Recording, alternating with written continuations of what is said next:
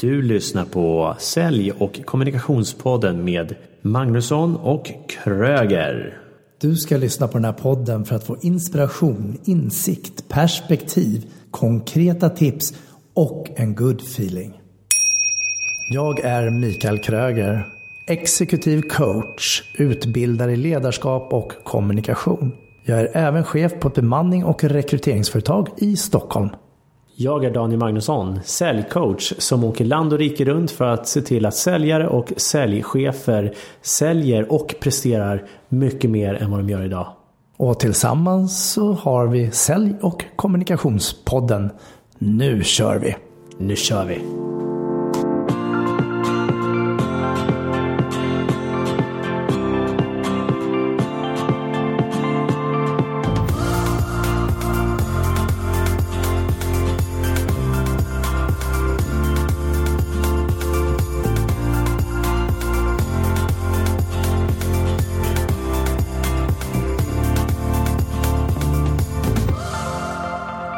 Välkomna till avsnitt 30.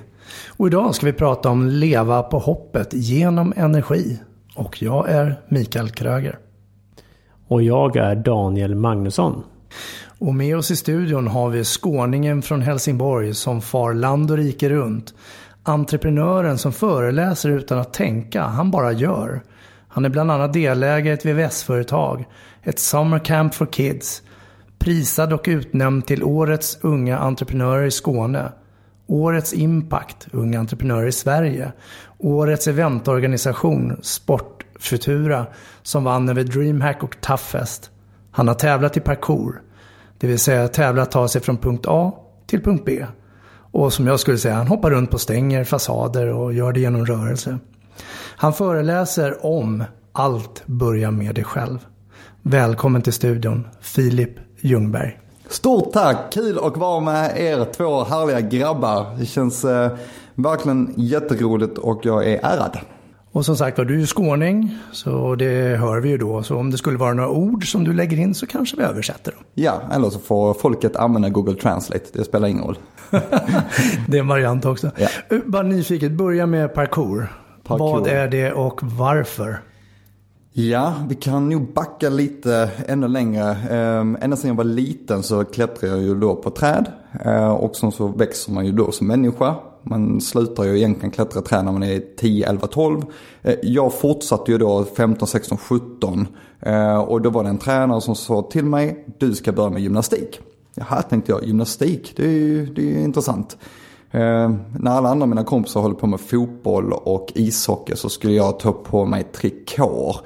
Mm, så, så liksom sådär, hur, hur kommer det här fungera då?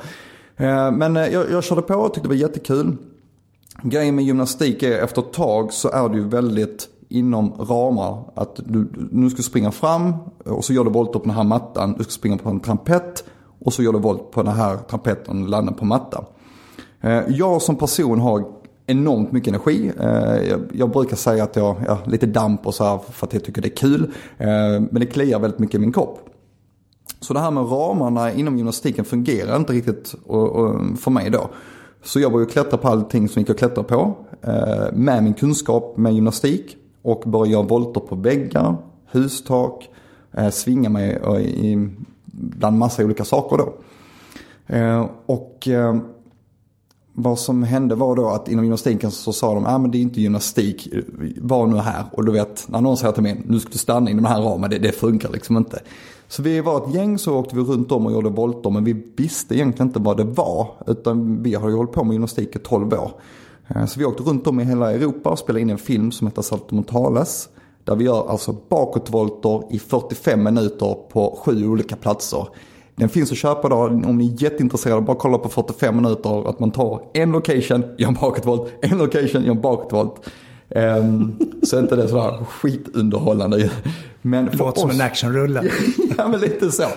Men jag, jag, tror passionen just där startade om att jag fick vara mig själv och jag fick vara den kreativa Filip. Jag fick testa olika saker.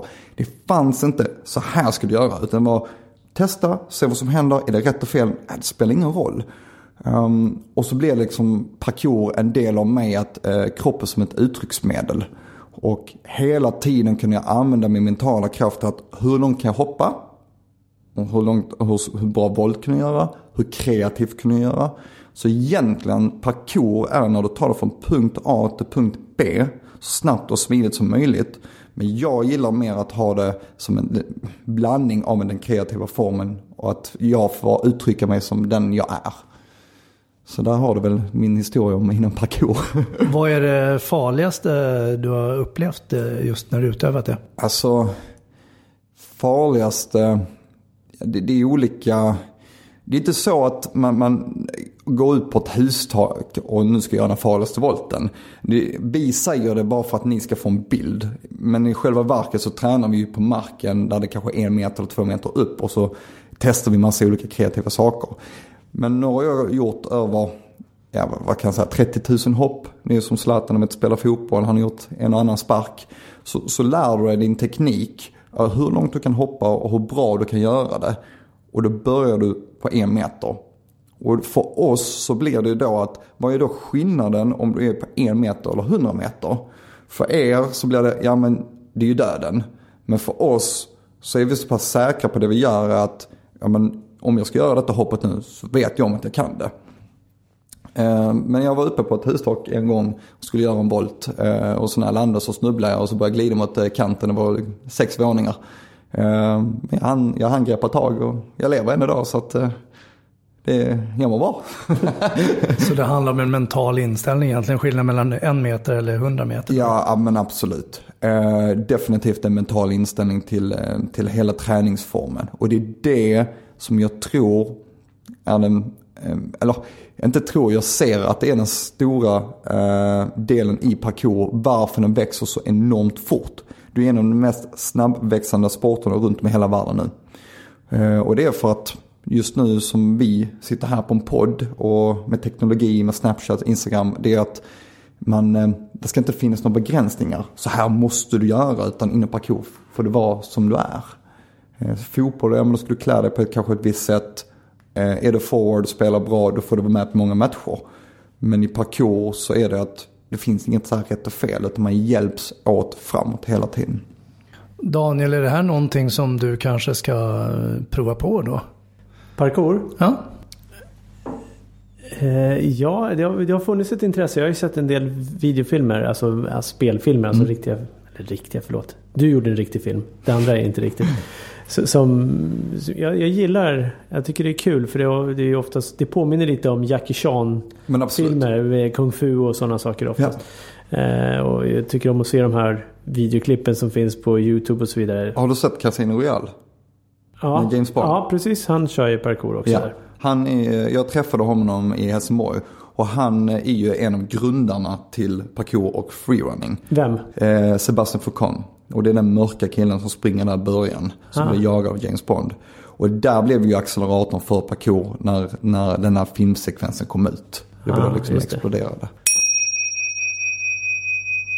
Ser du dig själv som orädd? Jag tänkte just att du bara gör. Du mm. tänker inte så mycket, du bara gör. Eh, nej men klart att jag inte är orädd. Eh, jag möter rädslor, ja, varannan dag kanske. Eh, men jag ser inte det som ett hinder, jag ser att det är en del av, för mig som människa att växa. Eh, senast var jag gjorde en, ehm, jag var konferenser på ett, eh, ett eh, stort event i Göteborg som heter Världens farligaste möte. Eh, skithäftigt var det. Och jag har ju då eh, lite dyslexi. Så att stå på scen och prata från hjärtat och prata om det jag har gjort, inga problem. Men stå och läsa för lappar. Eh, när jag var, var i skolan så blev jag väldigt eh, mycket gjort och fel. Eh, för att jag hade svårt med uttryck och alla de här sakerna. Så att det sitter ju så ut, eh, in eh, rotat in mig. Så när jag skulle stå och läsa där inför 700 så började jag säga fel på ett ord och du vet hela min kropp kallsvettas. Och det bara liksom rinner så här svett. Eh, och så får jag ta det långsamt och sen, sen kör jag på och sen efter lapp ett och två och tre sen börjar jag komma in i det och sen släpps det. Men det är ju det där igen med, med rädslor hur, hur spännande det är för det är ju bara en mental spärr. Och det är ju det här med att vi, vi behöver utmana oss om och om och om igen för att växa. Antingen så låter vi rädslan hålla oss eller så, så säger vi att nej, men jag väljer att den inte håller mig utan jag går åt, jag, jag fortsätter ändå men jag kommer få möten. För vi kommer få möten oavsett ändå. Sen hur du väljer att göra dem, eh, det är ju upp till varan. Det är kul att du säger, man kan ju tro då att du är en orädd person som kastar det ut för byggnader och så vidare. Och du säger att du inte är det. För det, det skulle vara den största lögnen tror jag. När, och det är när folk säger att jag är, han är orädd eller han eller hon är inte rädd eller ja, jag är inte rädd. Vi alla är rädda för någonting. Sen så kanske du är rädd för någonting som jag inte är rädd för och tvärtom och så vidare. Och, och då när du gör någonting så kan det upplevas som att du är orädd. Mm. Jag brukar ta ett sånt klassiskt exempel på mina föreläsningar. Om vi kan ta med er två nu här, det blir spännande. Är någon av er rädd för spindlar? Nej, Tyvärr inte. Är någon rädd för tyvärr. Jag tänkte om du skulle göra det här testet nu. Ja, okej. Är någon rädd för ormar? Nej, Jag kan tycka mig lite obehagliga. Obehagliga. Vem är, rädd, är någon rädd för höjder? nej. Inte? En, eh, är det någon rädsla du har? Någon som vill dela med sig? Någonting? Jag skulle inte hoppa bungee jump. Inte bungee jump? Nej, jag gillar inte fritt fall på Gröna Lund. Okej. Höjden jag, gillar jag, jag, jag, är inte fan av det heller skulle jag säga. Jag har gjort Nej, det men. Inte fallet, men höjden är helt okej. för jag tycker det är vackert där uppe på höjden. Men själva fallet och tappa kontrollen. Så det är kontroll, kontrollförlusten där. Någonting att säga? Ja, det är samma egentligen med bungee jump. Det, det, det, det vi kommer fram till, det intressanta är att när jag brukar dra det med, med en publik. Så när, när jag säger, är någon som är rädd för spindlar så ser du någon räcka upp handen. Och så drar du nästa, är någon som är rädd för ormar? Så är det några andra som räcker upp handen. Och det är lite det vi pratar om i det här med rädsla, är att ingen, alltså när vi föds så är vi inte rädda för någonting. Alltså vi är helt oroliga. Det enda man diskuterar det är ju fallet. Som man, man om det är forskning. Men vi är inte rädda för någonting. Men under uppväxten så händer ju någonting. Vi blir rädda för något som, som har hänt. Och då blir, för mig blir det just med texten. För andra blir det fritt fall och för mig älskar jag fritt fall. Så det är, det är ju någonting precis som du säger. Vi är ju rädda för något. Men det har ju hänt någonting under vägen. Sen är det då frågan, väljer vi att möta det eller väljer vi att sopa det under mattan? Mm. Det har, med, det har ju med associationer hur vi kopplar ihop tillfällena med rädslan på något sätt. Och det behöver ju inte bara vara att vi själva har upplevt just rädslan för det. Utan det kan ju vara applicerat från Precis. våra föräldrar eller nära Ja. anhöriga eller liknande som har skrikit att ah, ormar, jättefarligt. Ja. Oj, oj, oj. Och då, blir- då byggs det upp en rädsla att, ja likväl, ja, ta inte spisen det är varmt. Och då blir man rädd. Som tur så kanske man vänjer sig vid att använda en spis. Det underlättar ju när man blir äldre i alla fall. Och det är jätteintressant att säga. För det, jag måste koppla ihop det. Och där har jag på träningarna när jag har med, med, med, med barn. Det är ju jätteintressant. Då kommer det in en, eh, en ungdom. Som, eh, ja men han är lite kraftig. Eh, men han brinner för parkour. Och då kommer liksom mamman in och säger han kan inte det. Men vänta här, nej men vänta, äh, låt nej, äh, men vänta stopp vadå? Bara för att du är rädd, låt inte, släng inte över din rädsla på honom. Låt han vara. Och hon, hon, hon, hon gav sig inte. Så jag fick ju ta henne. Så, nu sätter du dig ute och du kommer inte in här igen. Låt honom få träna och träna upp sin egna förmåga och se vad du kan och inte kan. Och den är, den är intressant. Hur mycket blir vi påverkade av andra människor? Speciellt med föräldrar som är de närmsta. Ja. Det, vad är det du, han som transaktionsanalytikern. Lasse Åneby. Han har en skön kommentar. De första 20 minuterna när barnen föds så är de helt okej. Sen går resten åt helvete. Eller sen börjar helvetet egentligen, så brukar Ja. jag säga. Och då kommer just med värderingar och valda Ja. sanningar och skrönor och allting som Ja. vi prackar på. Mm. Jag tycker den är skön. Får jag fråga, du har ju något sommarläger också. Mm. Vad gör du där? Eh, då, har vi, då driver vi då ett, eh, ett bolag tillsammans som heter Airwip eh, och Airwip Academy tillsammans med, med en som heter Marcus Gustafsson och Emil Bremen.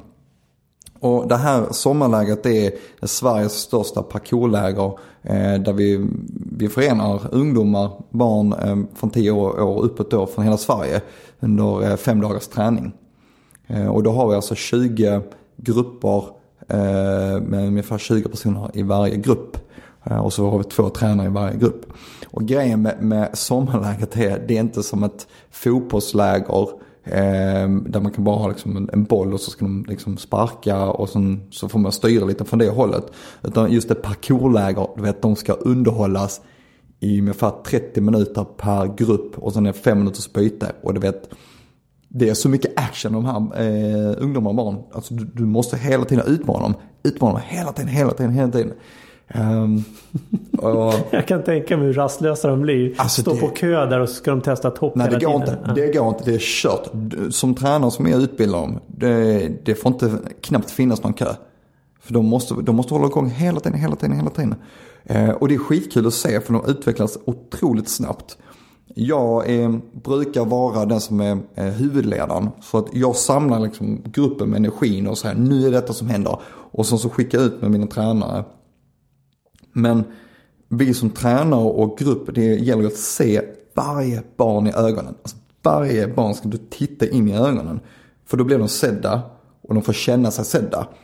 Men det tar också extremt mycket energi. Alltså efter 40 minuter när jag gjort min introduktion, jag får gå in och sova. Alltså jag är helt, jag är helt slut. Och sen kör min tränare och så gör vi avbyte så har jag hand om lunchen och sen kommer min tränare och så är det dag ett och så ligger vi alla sen på mattorna helt utslagna. Eh, och det, det, är ju, det är det som jag tycker är så kul att jobba med ungdomar, barn.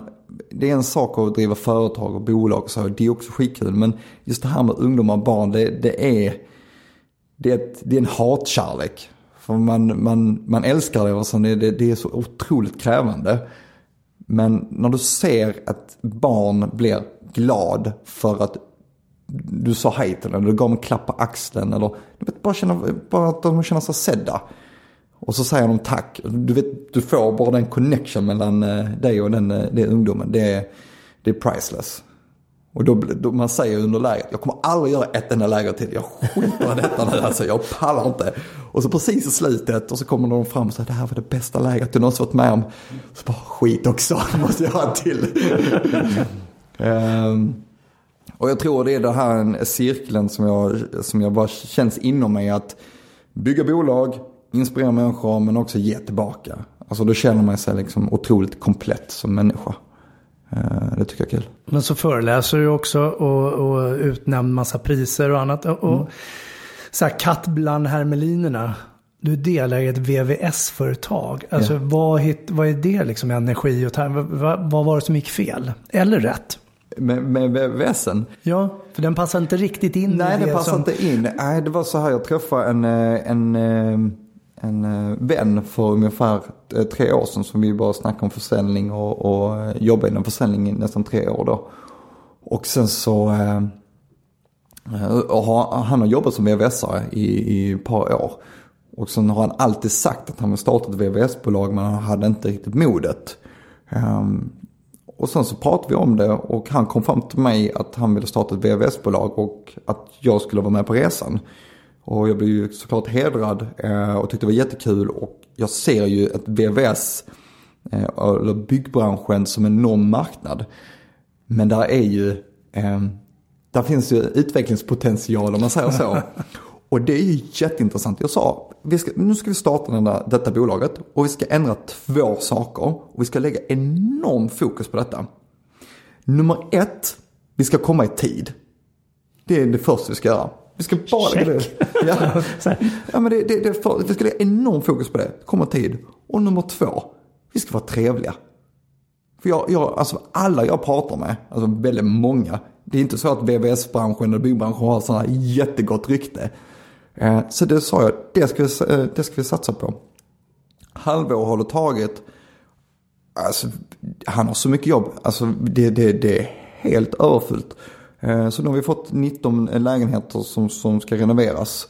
Ehm, och efter det så har vi ett ännu större projekt och då kommer vi bara anställa. Och då kommer vi, vi arbetsintervjun kolla direkt hur är deras sociala förmåga. Det är den jag kommer kolla direkt på. Hur de skakar, hur de tittar mig i handen eller kollar med ögonen, hela den här delen. Och så ska vi bygga den här kulturen. Med ungdomar, med driv, eh, träffas på måndag morgon, checka med varandra. Hur mår du? Hur har din helg varit? Avsluta på fredag. Hur har din helg varit? Alltså hur ska, vad ska du göra? Skapa ett bolag där det är en, där det är en känsla om att shit, jag vill verkligen gå till jobbet.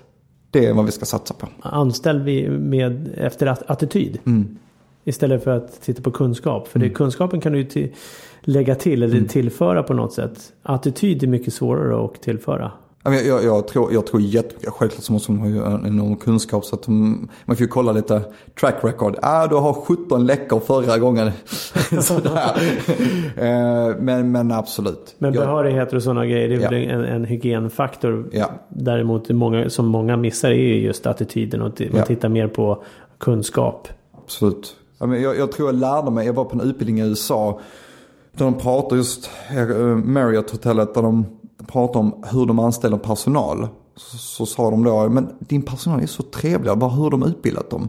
Jag har inte utbildat en trevlig personal, jag anställer en trevlig personal. Ja. Alltså det är ju den Ja. tankesättet och det är det jag vill föra in i allt jag bygger, allting jag får vara med i. Jag tror mycket på det. Ja.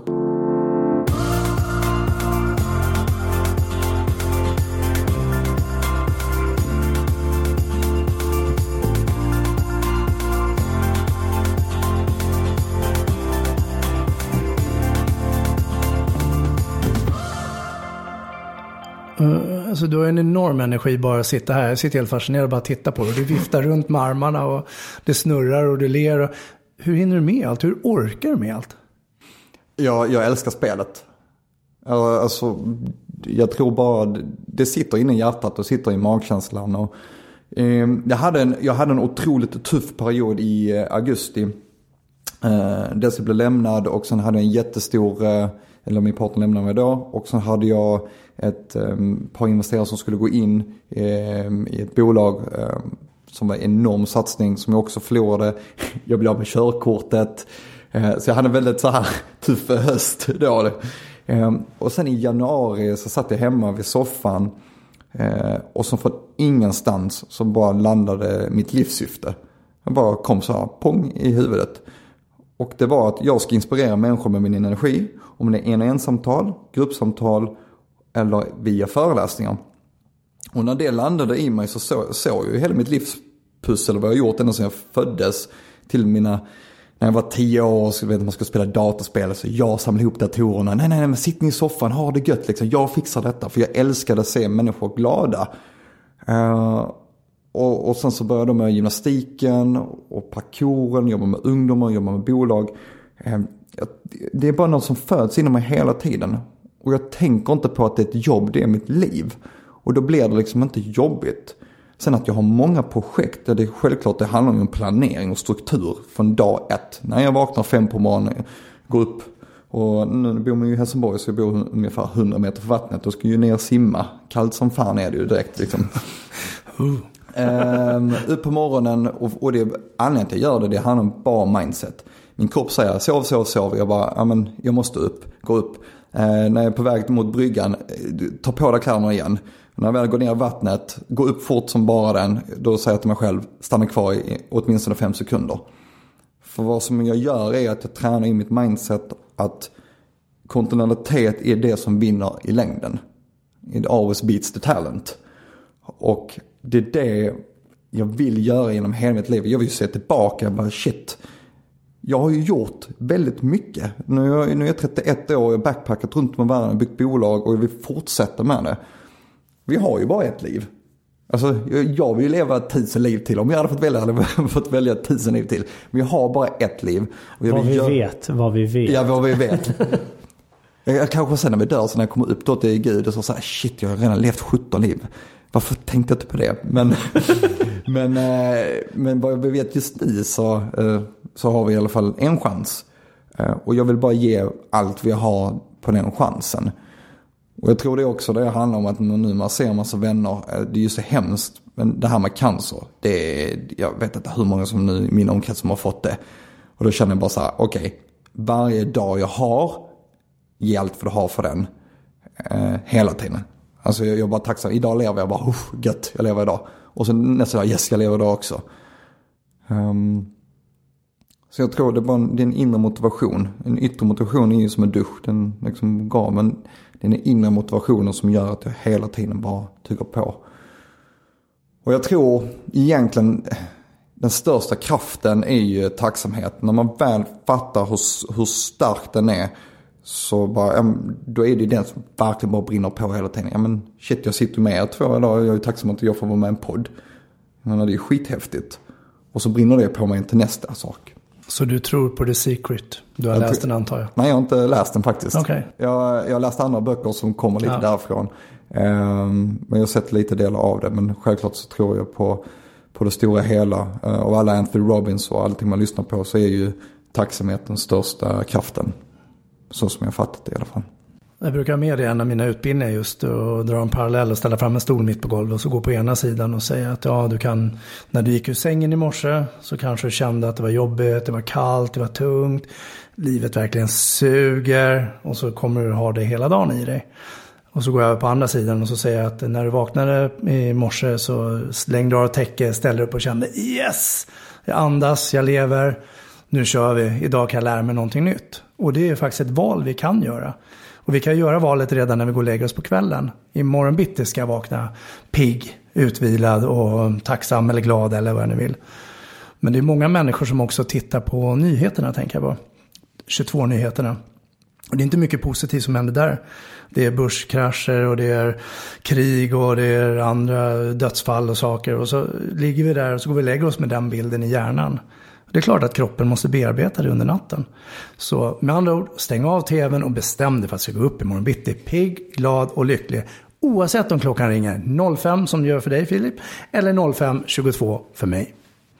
Och jag tror också det, om vi bara hoppar in där, det, det, är så roligt. På, mamma, jag, om, om du lyssnar på podden mamma, förlåt, jag kommer ta in det här lite nu. Klart de lyssnar. men du, Filip, Filip, eh, eh, kollar du på nyheterna? Koll, nej, men eh, jag gör inte det. Jo, men du måste kolla på, du måste bli allmänbildad. Så bara tänka så här. Fast eh, Aftonbladet, eh, alla tv-reklamer, terrorister. Alltså jag vet inte, det har inte bidragit så här att min liksom, bolag har växt eh, de närmsta fem åren. Ehm, Sälj inte vapen. eh, nej. Nej. Men jag, alltså självklart man, man ska vara allmänbildad men jag, jag vet inte. Jag, jag väljer att inte kolla på nyheterna och då, tydligen så går det ganska bra för mig eh, Eh, med allt annat jag läser. Så att jag, det är ju informationen. Vad väljer jag att, precis som du sa, tar jag in på kvällen eh, och vad tar jag ut på morgonen. Så att, eh, och det är jättebra, precis som du säger. Jag har ju min lilla vision board som man tittar på. Så okej, okej, hur vill jag att mitt liv ska se ut och vara? Det är det sista jag tittar på innan min hund då. För, för han ligger och kramar. Men och det är det första jag tittar på när jag går upp. Så är det där, hur föder du din hjärna? Shit vad lika vi är alltså. Jag Ja. det. För för det, det är ju, hjärnan är ju våran dator. Och precis som datorer så är det skit in skit ut brukar man säga. Eh, Och samma sak här. Jag, jag har, klart jag har sett ett nyhetsprogram då, sedan 2011. Men jag läser väldigt, nästan aldrig nyhetstidningar. Ibland mm, om det är någon eh, Metro ibland kan jag bläddra på den. Stäng, byter kanal när det är nyheter. Implementerade till eh, min fru. Hon tittar inte heller på nyheter nu. Sonen tittar inte heller. Eh, ibland så tittar de på Lilla Aktuellt i, i skolan. Det kan störa mig ibland. Eh, speciellt om det är eh, typ ja, maskerad man gick in i skola och eh, med machete och grejer. Varför ska de visa det på Lilla Aktuellt? Varför ska de visa det för barn? Min son var livrädd några dagar där. Mm. Och, så det, och det är klart det kan vara bra för det blir bra diskussioner i skolan och sådana saker. Men nej, det, jag, tycker det är skitviktigt. Uh, och jag brukar säga det. Prova en vecka och att inte titta. Ja men sporten. Ja okej sporten då går bra. du som är, måste på något sätt ha sporten. Men, men just uh, stäng av nyheterna. Ja, för sporten väcker ju inga känslor. Nej, väcka känslor kan du göra. Däremot, Irritation, Ja, aggressivitet, Och jag- slagsmål. Okej, och gör det det, då kan man sluta titta på det också. Tackar vi till Twitter. 160 tecken så är jag uppdaterad. Tack. Eh, Just nu ja, men de håller på att uppdatera och ska göra den längre. Så att, eh, ja. Oh no, då måste jag gå ur Twitter. Nej, men jag, jag, jag, sen jag slutade gå in på Aftonbladet och allting så eh, det var en jätterolig grej som hände. Jag slutade bli flygrädd. Det var rätt intressant. Vad sa du? Du? Jag slutade bli flygrädd. Jaha, Sen jag slutade gå in på nyheterna. okej. Det är intressant. Hur, hur då? Jag, jag vet inte om det var associerat till att jag har sett för mycket flygkrascher på Ja men allt som hände nu fick man ju höra i sig med Egypten och det så. Men med Malaysia och det ena med det andra. Att någonting såddes ett frö. Och så, så fort det började liksom hoppa i, på stora plan så började jag liksom spänna mig. Och det är intressant. Så Ja. jag tänkte var kom det ifrån? Och du som ändå tycker om fritt fall, så det är lite konstigt. Ja, jättekonstigt. Ja. Och speciellt när jag hoppat eh, fallskärm och så också. Ja, precis. Ja. Och du som lever varje dag fullt ut så det spelar ju ingen roll då egentligen. Men ja, så är det ju. Eh, Tillbaka till rädsla igen att det Ja, nu är finns där. tillbaka i rädslan. Ja, jag, jag, jag tänker att eh, att eh, oavsett om jag inte tittar på nyheterna eller vi då inte tittar på nyheterna så kommer vi få den informationen då om det händer något väldigt viktigt. För det kommer spridas i, på Facebook. Det är kollegor, vänner. Vad har du sett? Bara, eh, Nej, står jag som ett stort frågetecken. Berätta. Så kommer jag få det som jag tycker eh, förmodligen räcker. Vill jag ha mer då kan jag göra valet att gå in och läsa mer till exempel. Sen har vi de som behöver uppdaterade och vill vara det också. Jag var ju i Israel här för ett tag sedan då. Och eh, med ett gäng polare. Och sen precis när vi skulle åka hem så var det en som slog igång smartphonen och började uppdatera då Aftonbladet, Expressen och alla de här. För, ja, det kan ju ha hänt något i Sverige. Och jag slog ut mina armar och sa ja, och? Alltså, det var ungefär så jag kände. Jag märka om det har hänt något när jag väl kommer Om det är någonting som är allvarligt och påverkar mig. Berätta, du föreläser Allt börjar med dig själv. Och det är ju en rätt eh, smart titel egentligen. Om jag vågar blicka på mig själv. Precis, precis. Vad går den ut på? Eh, Ja, men jag pratar ju just mycket om, om min historia, vad, hur jag har blivit den jag är idag. Och sen så delar jag ut, under föreläsningens gång så pratar jag då om vad som händer. Väl, väljer jag en positiv energi eller väljer jag en negativ energi? Precis som du i ett kafferum sitter du och pratar positiva saker eller pratar du negativa saker? Så speglar lite människor eller personer som är i publiken då och så ser man, det är rätt så intressant när armbågarna lyfts upp. Eh, och så tittar lite extra mycket på de personerna så vet de inte om de ska ta upp eller ner dem. För sen säger jag, om dina armbågar går upp, går du in i försvar just nu? Så de bara, nej här tar de ner dem ganska fort. uh, nej men så jag, jag pratar ju om min resa uh, som den personen som jag är och jag säger inte att någonting är rätt och fel. Jag, säger, jag pratar bara om de verktyg jag har använt för att utveckla mig som person och ledare. Um, och hela min, som jag pratade om med min dys, dyslexi. Hur jag backpackade för första gången helt själv. Eh, var livrädd i Nya Zeeland, grät i två dagar, ville egentligen åka hem. Kom ut från min comfort zone, pratade mycket om det. Eh, hur jag bara liksom kommunicerar med människor. Gå vidare genom hur, hur jag utmanar mig själv genom olika rafting och, och sådana här saker. Och sen hur jag implementerar allt detta på, mitt, på näringslivet idag. Och hur jag jobbar med människor och personer. Och det här med att jag pratar mycket om att jag som person är väldigt känslig. Alltså jag är en väldigt känslig, känslig människa.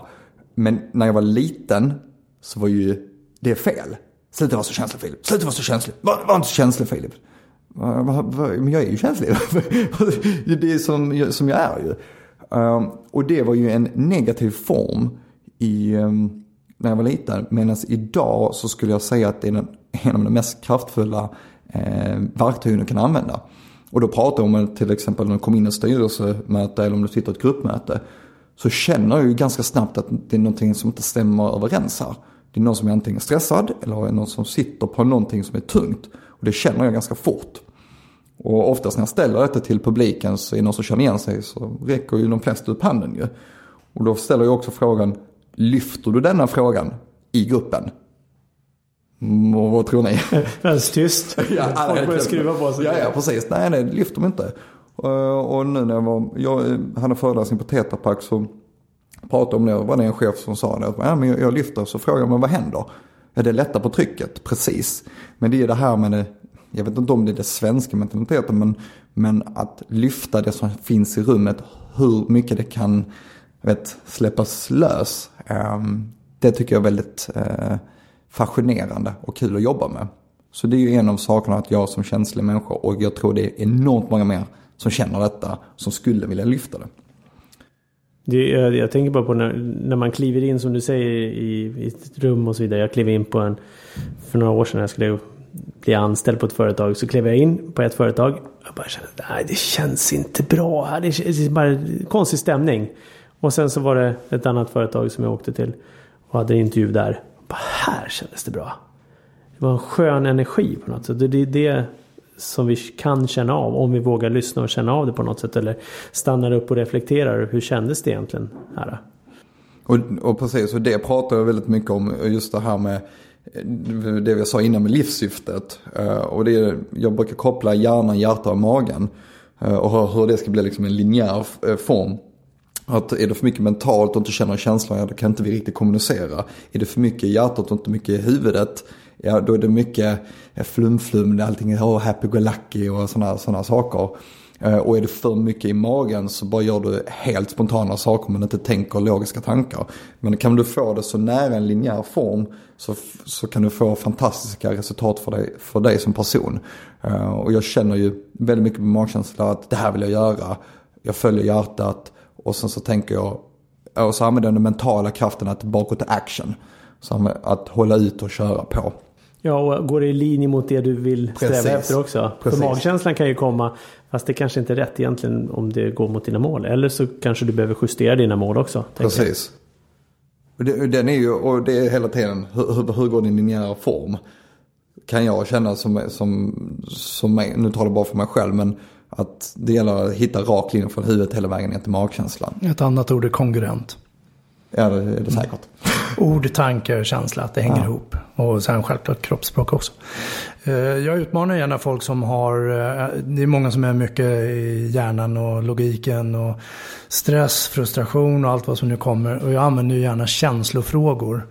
Eh, men det är ju en träningssak för vi, vi kan inte riktigt kanske prata om känslor i ett rum och våga. Men jag går gärna in och ställer frågan, och hur känner du inför det? Och vad känner du nu? Och sen är jag mest tyst. Och så har jag några på jobbet som sa, men ska vi hålla på med sådana här känslor nu igen? Ja, hur känns det? och så tittar jag bara och så bara väntar en stund.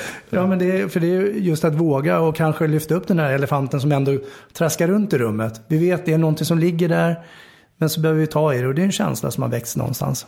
Och för några avsnitt så hade vi ju Thomas här som pratade efter två ord som egentligen skulle lyssna efter. Det var ju om någon sa att jag är frustrerad och eh, eller jag kör mitt eget race. Då ska vi dra öronen åt och så börja ställa frågor egentligen och sen bara vara tysta och lyssna. Folk har behov av att prata för det är någon känsla som ligger där och gror och pyr. Och... Mm. Så mer känslor. Eller våga prata om känslor rättare sagt. Ja, och våga känna efter känslorna. För det är ju oftast problemet som du säger när de är uppe i huvudet. De, de känner inte känslan. Eh, hur de känner. Sen när jag, vi, de, alla ska göra någonting obekvämt. Då kommer känslan som ett brev på posten. I magtrakten, eh, bröstet, halsen. blir torr i munnen eller någonting. Då kommer de här fysiska sensationerna som vi får, om vi nu återkopplar lite tillbaka när du eh, var barn till exempel, eller när vi var barn. Vi blir påprackade massor med valda sanningar eller blir rädda för någonting eller med den gula och svarta halsduken som du var utsatt för i skolgården. Då kommer en känsla, pang. Och så fattar vi inte vad är det som händer. Varför är jag rädd att lyfta luren? Varför är jag rädd att kliva in i ett rum med okända människor? Och det är inte bara reptilhjärnan utan det kan vara för att jag har blivit skrattad åt eller jag har känt mig utsatt eller något liknande. Eller, eller har haft problem med dyslexi i ditt fall och stått och presenterat i en, i en skola och folk har skrattat eller och så sitter vi och så vad är det som händer? Och då behöver vi ju stanna upp och våga känna den känslan i kroppen och, bara och börja känna men jag känner den här obehagskänslan. Men det är inte farligt. Och börja tala om för vårt vuxna jag varför det är okej okay att känna så här ändå. Och jag kan göra det här ändå, som du säger, att vi behöver utmana oss mera. Vad har du för knep eh, eller tips till våra lyssnare om du ska våga gå utanför comfortzonen? Mm. Eh, utan att hålla på med parkour då? Tänker utan att hålla på parkour. Nej, men jag skulle vilja säga att det, det, först är det också viktigt att kolla var man är i sin egen comfort zone. Eh, för det finns ju, antingen finns det comfort zone eller så finns det ju panikzon. Alltså så att man inte kommer för långt ut. panikzon, det var bra. Ja men alltså kommer man för långt ut och då, då blir du så rädd så att du kommer aldrig någonsin göra det. Utan man får ju ta sitt steg, eh, steg för steg. Och det är helt olika vad din rädsla, vad, vad din rädsla är. Eh, men jag skulle vilja säga absolut en av mina starka är att börja sätta dig i situationer som du är obekväm med. Och så får du själv stegra dig efter vad du nu än är. Är det att du ska hälsa på en främling på stan eller är det att du kanske ska ställa frågan vid ICA-kassan och säga hej hur mår du idag? Det kanske är den nivån. Andra kanske ska gå parkour. Eh, om man känner för det, att det är höjdrädslan och sen stegrar den upp. Och jag tror jag kan associera lite det till, till parkour. Att, ja, men som ni då, ja men ska vi börja med parkour så tänker ni ska börja där liksom ute på sjunde våningen. Nej, vi börjar ju här nere. Och så blir du bekväm på den och så höjer vi lite. Och så höjer vi lite och så höjer vi lite och så höjer vi lite. Så att egentligen eh, sakta men säkert men utmana dig. Och inte undvika rädslorna. För rädsla, man får inte se en rädsla som, som något farligt. Rädsla är ett verktyg som du använder för att växa som person. Kan lova varenda människa att så fort man utmanat sig och gjort någonting så känner man ju endorfiner och allting som händer. Och kroppen bara Åh shit det här känns ju skitbra. Oh, jag visste ju om det och det ja. Och så blir de så här skitglada och så, så går man nästa vidare och vidare. Um, och vissa behöver nog en spark i arslet helt enkelt och Absolut. våga prova och gå utanför. Ja. För du kan ju vara rädd av rädslan och det är ju ångest egentligen. Att vara rädd för en rädsla som du inte vet någonting om. Filip, om en lyssnare vill få tag på dig, var kan man hitta dig då? filipljungberg.se eh, Där finner du mig. Du hinner finna mig på Filip Ljungberg på Instagram. Du hinner finna mig på Filip Ljungberg på Facebook. Du är Filip Ljungberg 1 på Snapchat. Och länkar till det finns även på vår hemsida. www.magnussonkroger.se Och eh, du har ju den här skolan då. Eh, den här parkourcampet för barn. När är det? Eh, 11 till 15 juli i eh, Ängelholm. Så nere i Skåne då. Så är ni intresserade och har eh, någon som vill eh, testa på parkour så går det jättebra att kontakta mig på där eller airwhip academy.com. kan man också gå in på. A-whip, alltså A-W-I-P-P. Airwhip. Air? Ja. Aha, okej. Okay. Airwhip. Air, ja. Airwhip. Airwhip. Åh, oh, det var skånskan som bröt in Exakt. Som var en liten syd sydamerikansk eh, engelska tänkte jag säga. Det där vet jag inte vad det var. Vad var det för åldersgrupp på lägret? 10 till 18 eller? Okej. Okay. Så du får så inte alla, komma? Nej, alla 10 till 18-åringar eh, kan ju höra av sig. Och eller målsman. Mm. Men målsman får inte tycka till, det hörde vi ju.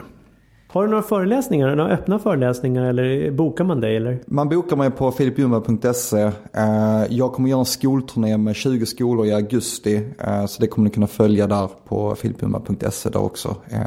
Öppna föreläsningar kommer så småningom till hösten, vintern smäller upp. Så det är bara att hålla utkik där. Ja. Det har varit riktigt, riktigt roligt att ha dig här. Väldigt mycket energi och eh, klart har du möjligheten att lyssna på Filip någon gång så ska du göra det. Så tipset är acceptera din rädsla. Våga gå utanför komfortzonen. Ta små baby step och så prova lite till och lite till och lite till. Och du kan mycket mer än vad du tror att du kan. Och med det sagt så får vi tacka Filip för att han har varit i studion. Kul att du är här Daniel. Ja, detsamma Kröger. Och ha en riktigt trevlig helg. Var rädda om varandra. Visa kärlek. Och skippa nyheterna. Trevlig helg. Stort tack mina vänner. Kör på.